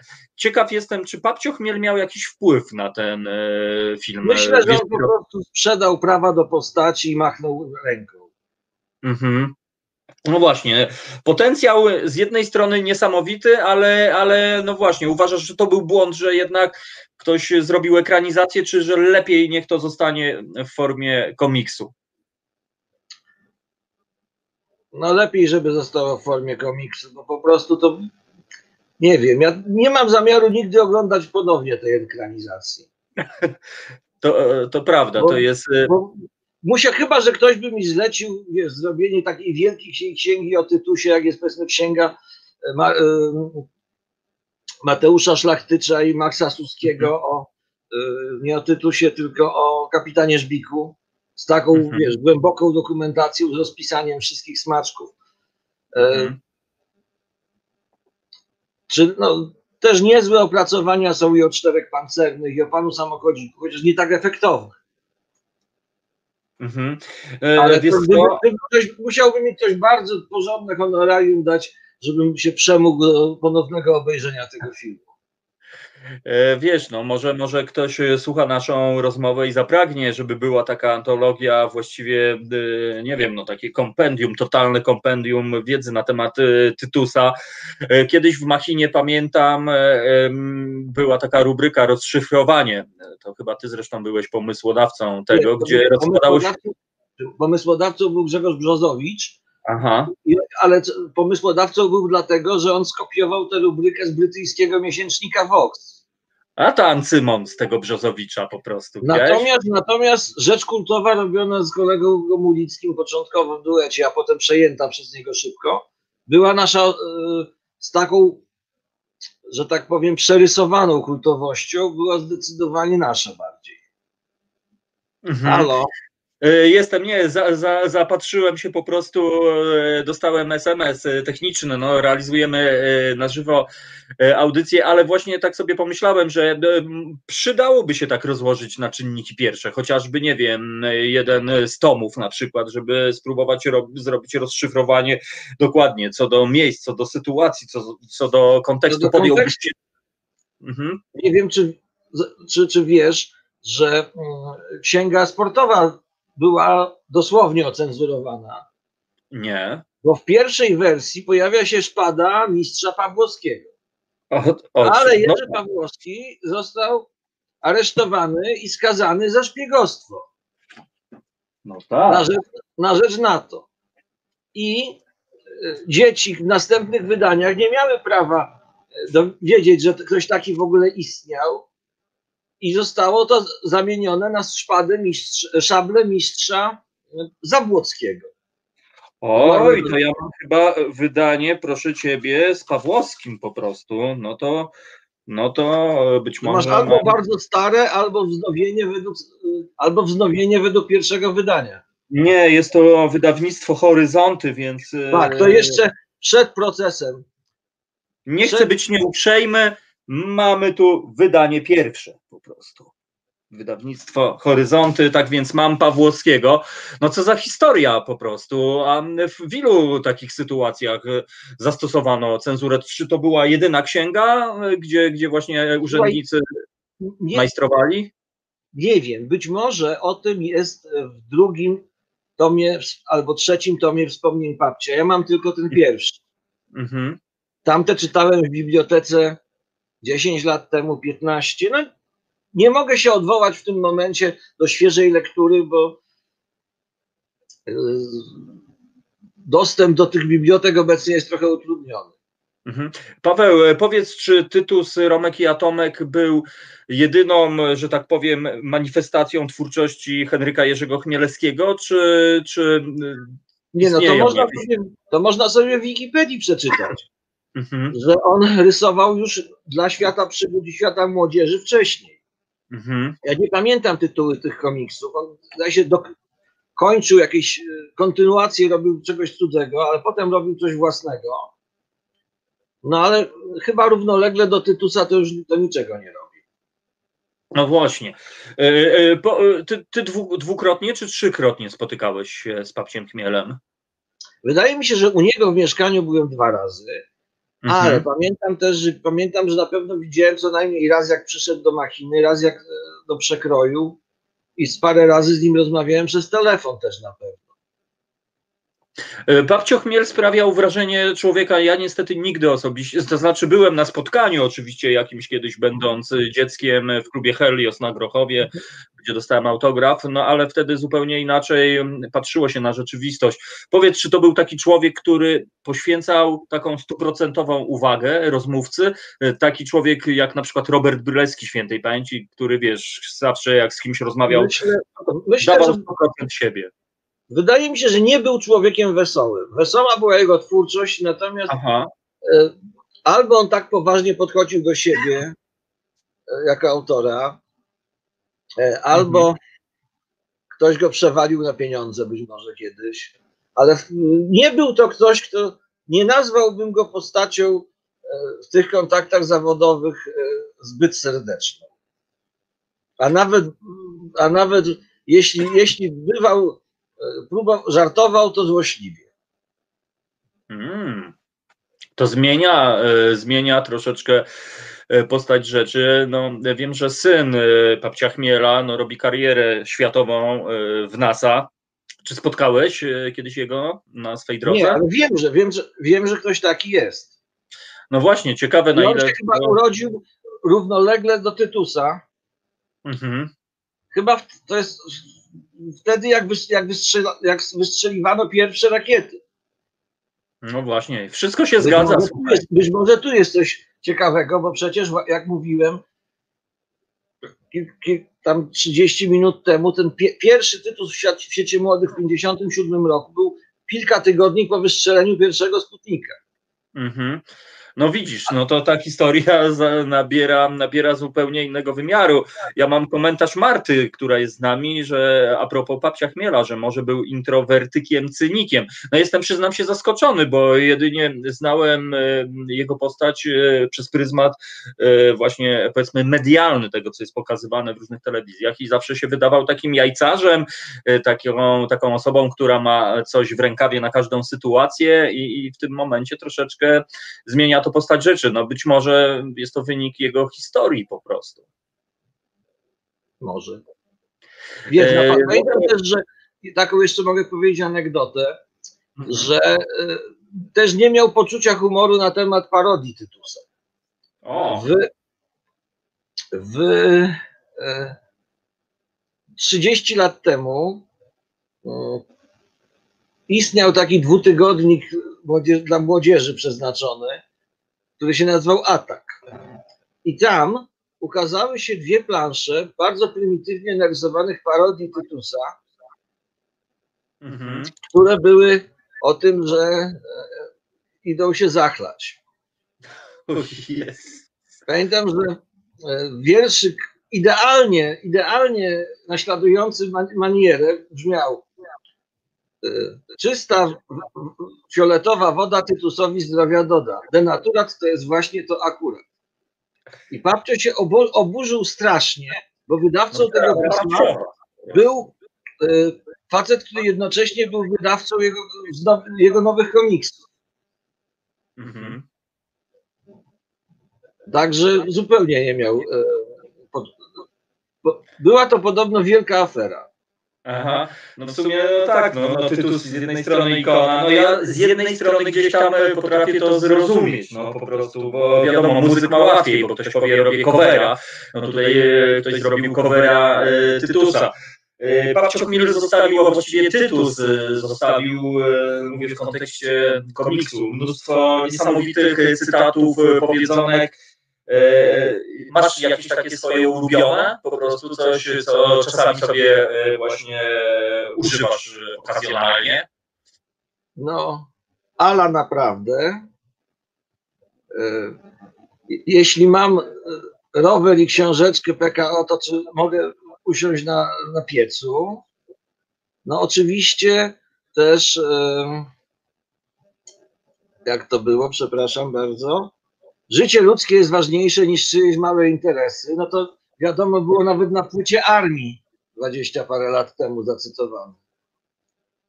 Oj tak, to, to jest moje ulubione, przyznam się i myślę, że e, sobie dzisiaj w ogóle e, to po raz kolejny e, obejrzałem. No, tak zwany saturator na środku pustyni i to słynne bocznie kopnięcie. Życie niż czyjeś małe interesy. No to jest naprawdę niesamowita historia. E, Paweł, e, ja, ja teraz chciałem jeszcze tak wrócić do Twoich e, poza jakby tytusowych historii. Czy w jakiej kondycji jest Twoje wydawnictwo Lampa Iskra Boża? Bo ja pamiętam. Wyda, wydawnictwo panuje. jest. Wyda, o, wy, wydawnictwo jest kondycji zwijającej się, to znaczy wyprzedaje stare rzeczy, a mhm. sam się prze, przekwalifikowałem na takiego szperacza od, od literatury głównie popularnej. Wiesz, wydałem e, rok po roku trzy przewodniki po literackie po dzielnicach Warszawy, po Żoliborzu, mhm. po Pradze, po Mokotowie. Do każdego to było 500 przerobionych książek. Teraz finiszuję też i podobną pracę, którą zafundowało mi miasto. To jest leksykon detektywów warszawskich. To znaczy, prawda, słownik biograficzny postaci fikcyjnych zmyślonych przez Edigeja kiedyś, a powiedzmy Czubaja czy Konatkowskiego dzisiaj, czy Mroza.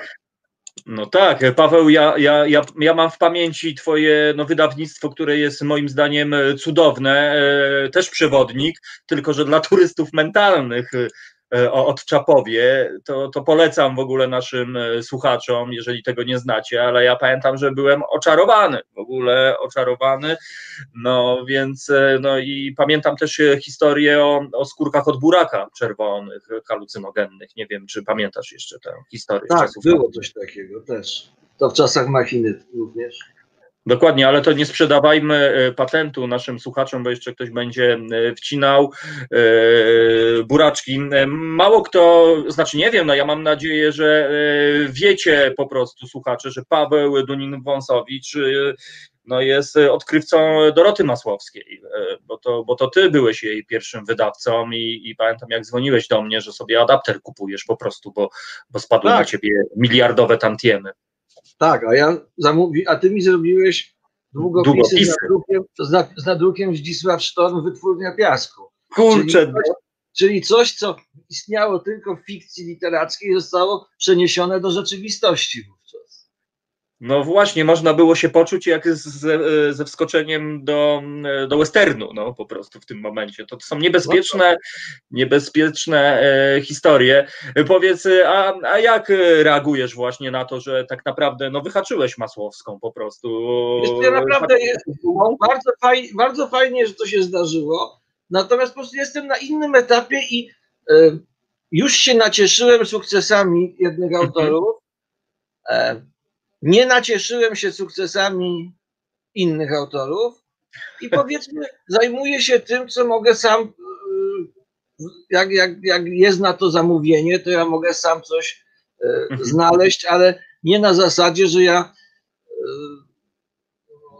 y, robię za promotora w tym momencie Rozumiem. realnych osób, tylko robię no, robię szperactwo takie. No. Mhm. Paweł, e, kiedyś rozmawialiśmy w przeszłości o e, profesorze Wieczorkiewiczu, e, warszawskie ballady podwórzowe. Znasz zjawisko teściowa śpiewa? Nie, nie znam. Paweł, to ty musisz po prostu, bo my mamy normalnie objawienie, mamy, e, wskrzeszył się duch warszawskich ulic i wydaje mi się, że kto jak kto, ale no ty powinieneś po prostu e, trochę tam rzucić e, na to okiem, bo ja, ja rozmawiając z teściową i z jej zięciem, no powiem ci, czułem się jakbym zwiedzał właśnie te zaułki, te, te, te miejsca niesamowite, o których czasami pisał Marek Nowakowski, a czasami, które znałem z warszawskiego Grochowa. Powiedz, czy ty śledzisz w ogóle jakieś takie warszawskie zjawiska, czy w ogóle widzisz teraz no, ten klimat taki właśnie z, z tych przywołanych przez ciebie na przykład powieści Tyrmanda ze Złego, jak w ogóle postrzegasz dzisiejszą Warszawę? Na pewno, na pewno media społecznościowe, dokładniej mhm. Facebook, wpłynęły na możliwości dzielenia się przez ludzi archiwaliami i w ogóle uczuciami do swoich małych ojczyzn. Mhm. I to mhm. dotyczy zarówno dzielnic Warszawy, jak i pewnie dzielnic innych miast, wsi i tak dalej, i tak dalej. Mhm. W związku z tym e, no, dostępna jest masa widoków miejsc, których sobie nie wyobrażaliśmy. Są też, jak wiemy, piękne rekonstrukcje cyfrowe, na przykład przedwojennej woli, takie sfinansowane mhm. przez to, polskie górnictwo gazowe, coś, nie wiem jak to się nazywa. Mhm. E, natomiast jeżeli chodzi o mm, jeżeli chodzi o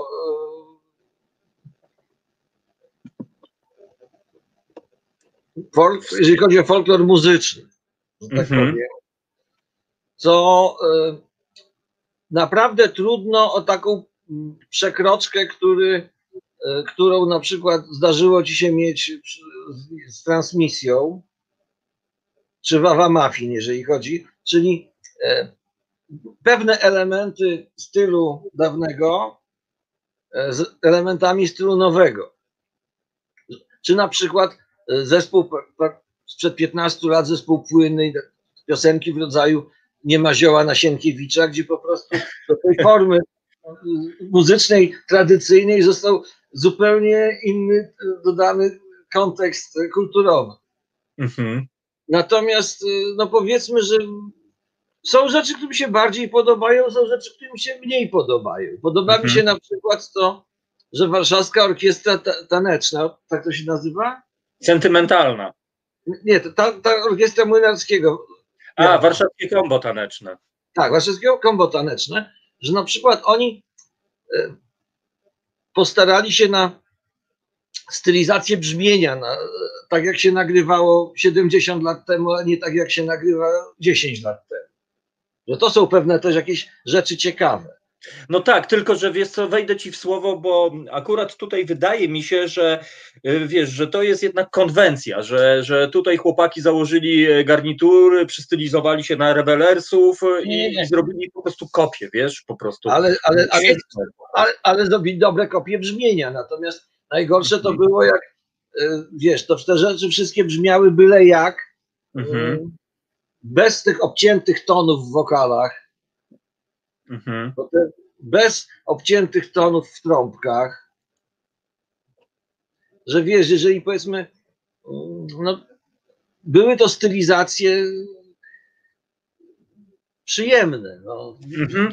Okej, okay. nie, wiesz, tutaj znowu wrócę, wracam do ducha nie? Warszawy, że jakby w pewnym momencie e, ten klimat warszawski zaczął być modny, prawda, że, że tutaj trupa teatralna, tutaj komba taneczne, tutaj mała orkiestra dancingowa, tutaj e, warszawska orkiestra sentymentalna. No, a także I... terminały retro Grzegorza Kalinowskiego na przykład. No, no wiesz, i, i fala, fala taka psycho, wiesz, no Bombat Belus, e, po prostu Criminal Tango, czyli taka bardziej e, e manifestacja około pankrokowa. No ale znowu wrócę do teściowej, która widzę, że jest dzisiaj z nami na czacie, więc bardzo serdecznie pozdrawiam. Tak więc no, dla mnie to jest fajne, że to miasto żyje i się jakoś rozwija. Poza tym tylko, że no fajnie, można zrobić cover, można się przebrać, ale też można no, przemieszczać się ulicami tego naszego miasta komentować e, rzeczywistość i, e, i nawiązywać e, po prostu no, do, do wary warszawskiej, no po prostu regularnej. Pawciu, a, a jak u ciebie z muzyką? Czy cały czas masz gitarkę gdzieś tam w stand-by'u? I... Bardzo rzadko, bardzo rzadko sięgam. Czy porzu porzuciłeś już myśl o Grammy? Oj tak. Nie, no, rzadko, wiesz, po prostu no, Słuchaj, ja powiem, no, jestem widocznie e, teraz na etapie klejenia domków na makietę i wyszukiwania. Słuchaj, no mam już kilkadziesiąt takich domków w skali H0 i to głównie duże kamienice. E, bardzo fajne są modele rosyjskie. Firma Umbum, które słuchaj, kapitalne, bez użycia kleju. I jest to architektura rosyjska. E, no to jest temat na osobną audycję w ogóle po prostu. Słucham? Że to jest temat na osobną. No tak, na... tylko trzeba byłoby spakować do kartonu i pokazywać te budynki z różnych tak, firm. W ogóle teraz to fajnie by było mieć wycinankę, taki ploter laserowy, bo to tylko za jakieś 2000 zł można kupić i wtedy możesz sobie sam projektować domy do, do klejenia. Bo potem je wycinasz, wiesz, e, z kartonu na różnej grubości, czego nie zrobisz nożykiem, żeby to ładnie wyglądało. Natomiast ja już dwa razy kupiłem takie zestawy wycięte, gotowe, które potem kleiłem. A teraz poznałem przez Facebooka autora e, z Krakowa, który zaprojektował dwie, dwie własne kamienice. Sam zacząłem próbować projektować, tylko zraziło mnie to po pierwsze, że e, nie, nie wiedziałem, gdzie znaleźć jakąś firmę, która te e, rzeczy robi, że wiesz, dajesz PDF, a oni i opowiadasz, na jakim kartonie chcesz to mieć wycięte, a oni to wycinają za pieniądze. Bo na mhm. pewno, ja myślę, że koło Politechniki gdzieś, koło Kostrzykowej, jak tam jest architektura, to ci architekci muszą robić makiety pewnie na zaliczenia. I myślę, że tam dwie takie trzy firmy można znaleźć. Co, co, za historia. Paweł, słuchaj, ty y, już tak na sam koniec, bo zawsze miałeś takiego nosa, jeśli chodzi o literaturę, to, to, to ja dzięki tobie, no po prostu pamiętam, odkryłem właśnie tutaj tą Symonkę raz jeszcze pokażę, Gretkowską, która trafiła na twoją okładkę dawno, dawno temu. E, powiedz, czy ty śledzisz cały czas, że tak powiem brzydko, rynek e, autorów? E, czy, Trochę czy tak, jakieś nowe zjawisko, które trzeba tam, wiesz, być czujnym po prostu? Nowe nazwisko jakieś, wiesz? Tak. Mm. Wiesz co, ja czytałem ostatnio książkę, która mi się bardzo podobała i się śmiałem. Mhm. Nie pamiętam nazwiska autorki. Wydał to H-Art. Wydał to H-Art. E, książka ma tytuł Projekt. Mhm. Jest to satyra na Warszawę artystyczną, współczesną, gdzie wszyscy chcą wydobyć grant na jakiś projekt, wszyscy się do niego podczepiają, e, a na koniec wszystko się okazuje humbugiem zupełnie. Aha. Ale jest to bardzo śmieszne, bo po prostu obnaża też to, że e, o sztuce nikt nie myśli, tylko wszyscy myślą, jak tu nachapać się lepszego makaronu, lepszego wina, lepsze meble w lepszym mieszkanku. Mhm. E, I się śmiałem przy tej książce. Nazwiska Aha. autorki, która jest debiutantką, no nie pamiętam, bo nie mam tej książki przy sobie tutaj, w tej ciemności. E, I wydał to H-Art dwa miesiące mhm. Okej, okay, no to ja z przyjemnością będę eksplorował internet, e, może uda mi się wyhaczyć. Czy ty jeszcze na sam koniec, czy lampa, bo wspominałeś, że wyprzedajesz swoje, że tak powiem, dobra, e, czy, czy to już jest zamknięta historia po prostu? Wiesz co, jak będzie mi się, na razie przestałem to lubić, może polubię znowu, mhm. ale nie, wiesz, nie przynosiło to już takich, mm, takich e, wpływów, żeby warto było temu poświęcać więcej uwagi e, w tej chwili i też robić złudzenie autorom. E, no nie, mogę, nie mogę im tej, tej sławy zapewnić, a co dopiero pieniędzy. No rozumiem, czyli no widzisz, yy, widzicie drodzy słuchacze, co za człowiek, no po prostu, który myśli po prostu o autorach zamiast o sobie, żeby sobie kupić nowe Lambo po prostu i nowego Technica 1200 SL po prostu z super wkładką. Yy, tak więc yy, Anna Sudą jest autorką yy, projektu, odpowiada. Od razu. No i widzisz, y, to nasi słuchacze są niezawodni, A. tak więc Amismo dziękuję za rekomendację, Paweł. Ja również dziękuję za rekomendację, bo, bo skoro ty rekomendujesz, no to wiesz, to, to, to, to łykam to w ciemno, no po prostu, jeśli chodzi o... E, o no śmieszne jest. No właśnie. Było parę książek, które, których się po prostu śmiałem, jak czytałem, przed, wydaniem na przykład. To, to, było, to były Chłopaki nie płaczą Krzysztofa Wargi. Mhm. Taką książką się śmiałem i taką książką była wojna polsko-ruska. Więc jeżeli Aha. ja myślę, że nie farsa, ale dobra komedia, to jest, wychodzi z tego e, gdzieś głębiej coś mądrzejszego, ale można się pośmiać, to jest dobra, Mhm. dobra rzecz. No właśnie, dobra literatura w dzisiejszych czasach jest na wagę złota, natomiast no też trudno jakby wyhaczyć te nowe tytuły tych y, autorów, bo no ja, ja patrzę jak taki zwykły przechodzeń, który czasami mija witryny księgarni, no to wiesz, widzę wszędzie y, znane postaci, celebrytów, poradniki, coache y, i tak dalej, tam gdzieś w tle Ale- po prostu. Ale wiesz, akurat ja mam to szczęście, że na Żoliborzu pół roku temu powstała dobra księgarnia, która Mhm. ma ambicje handlowania tym, czego nie ma w Empiku. O, cóż za pomysł doskonały po prostu. I, że tak powiem, ich e, wystawa jest odwrotnością tego, czym jest wystawa Empiku. W związku z czym e, i ten e, właściciel tej księgarni wciska mi kolejnych debiutantów, których z wydawnictw, o których nie wiedziałem, bo pewnie to, to są pierwsze książki tych wydawnictw w ogóle na przykład. mhm. Ja mu jakieś swoje sta, stary stora, towar daję w barterze i ostatnio się dzięki temu troszeczkę e, orientuję bardziej. Co za historia po prostu. Cz- Czarny rynek e, po prostu literacki. Nie, no nie, na fakturze. podziemie po prostu chyba bardziej. No dobrze, Paweł, bardzo Ci dziękuję e, e, po prostu za e, wizytę, ale mam jeszcze pytanie po prostu. Panie Pawle, powstała lista ksiąg zakazanych e, e, kropka .pl, która zbiera tytuły do polecenia.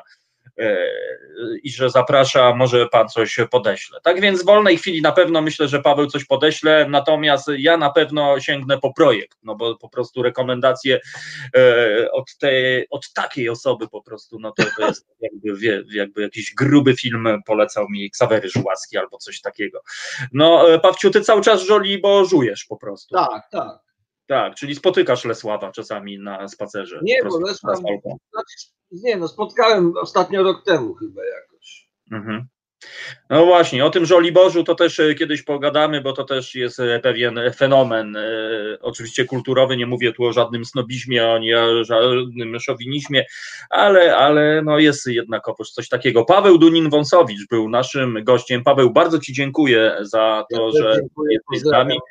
I mam nadzieję, że, że to nie ostatni raz. Wszystkiego Dobra. Pawciu, dobrego, Dobra. do usłyszenia, Dobra. do zobaczenia. Dziękuję Wam, y, moi drodzy, powolutku zbliżamy się do końca. E, No, rozmawialiśmy o Tytusie, no ale z Pawłem można rozmawiać po prostu o literaturze. Ja przyznam się, nie jestem, no jestem cieniasem, jeśli chodzi o te tematy, dlatego tam e, przy okazji, ale mam nadzieję, że być może nasi kole, nasze koleżanki i koledzy z Resetu Obywatelskiego, jeśli będzie e, taka potrzeba, no to myślę, że Pawciu po prostu z przyjemnością podzieli się swoją oszałamiającą, niesamowitą wiedzą i wyczuciem. No po prostu to naprawdę gruba postać, jeśli chodzi o polską e, kulturę. Przypominam, że dzisiaj e, Sinsiul Złoty zarządził, moi drodzy, i on jest e, producentem dobrej pory, tak więc Sinsiulu wznosimy pokłony, padamy do Twych stóp i płaczemy ze wzruszenia. Ja przypominam, że możecie wspierać Reset Obywatelski na zrzuteczce, tak więc jeżeli ktoś chce wrzucić teraz na przykład 974 zeta przelewem, no to e, wtedy Marcin Celiński zobaczy i powie, Jezu, co się u tego końcu dzieje. E, Tak więc e, bardzo Wam, e, moi drodzy, serdecznie dziękuję. Tomek Piątek oczywiście już o 19 e, tam się szykuje, a w ogóle tak sobie zauważyłem, że jeszcze, że w tej lampie, moi drodzy, jeszcze raz Wam pokażę, zobaczcie, co jest na samym dole tam na paseczku. Tomasz Piątek, nowe opowiadanie. No widzicie, zaczynał od lampy, którą wydawał y, Paweł Dunin-Wąsowicz, a teraz będzie miał audycję zaraz, tak więc no gruba e, historia. Tak więc, e, moi drodzy, wszystkiego dobrego, e, wspierajcie Reset Obywatelski, dobra pora za tydzień, za tydzień chyba sobie popływamy łódkami pychowymi e, w górę rzeki, słuchajcie, po prostu, nie, w dół rzeki, czyli e, pod prąd. E, No i cóż, jutro o 14, o 15 Radio Komsao legendarna, e, taka audycja tam będzie się działo. Tak więc bardzo Wam dziękuję. Tomek Konca, Dobra Pora, Reset Obywatelski, Radio Koncało, Sinsiul, Złoty po prostu tak przyprodukował dzisiaj, że ja myślę, że przeszedł właśnie do historii. Do usłyszenia, do zobaczenia. Bardzo Wam dziękuję. Hej, cześć, Piąteusz. Reset Obywatelski. Podobał Ci się ten program? Reset to medium obywatelskie, którego jedynymi sponsorami jesteście Wy, odbiorczynie i odbiorcy. Wesprzyj nas na zrzutka.pl i pomóż budować niezależne medium.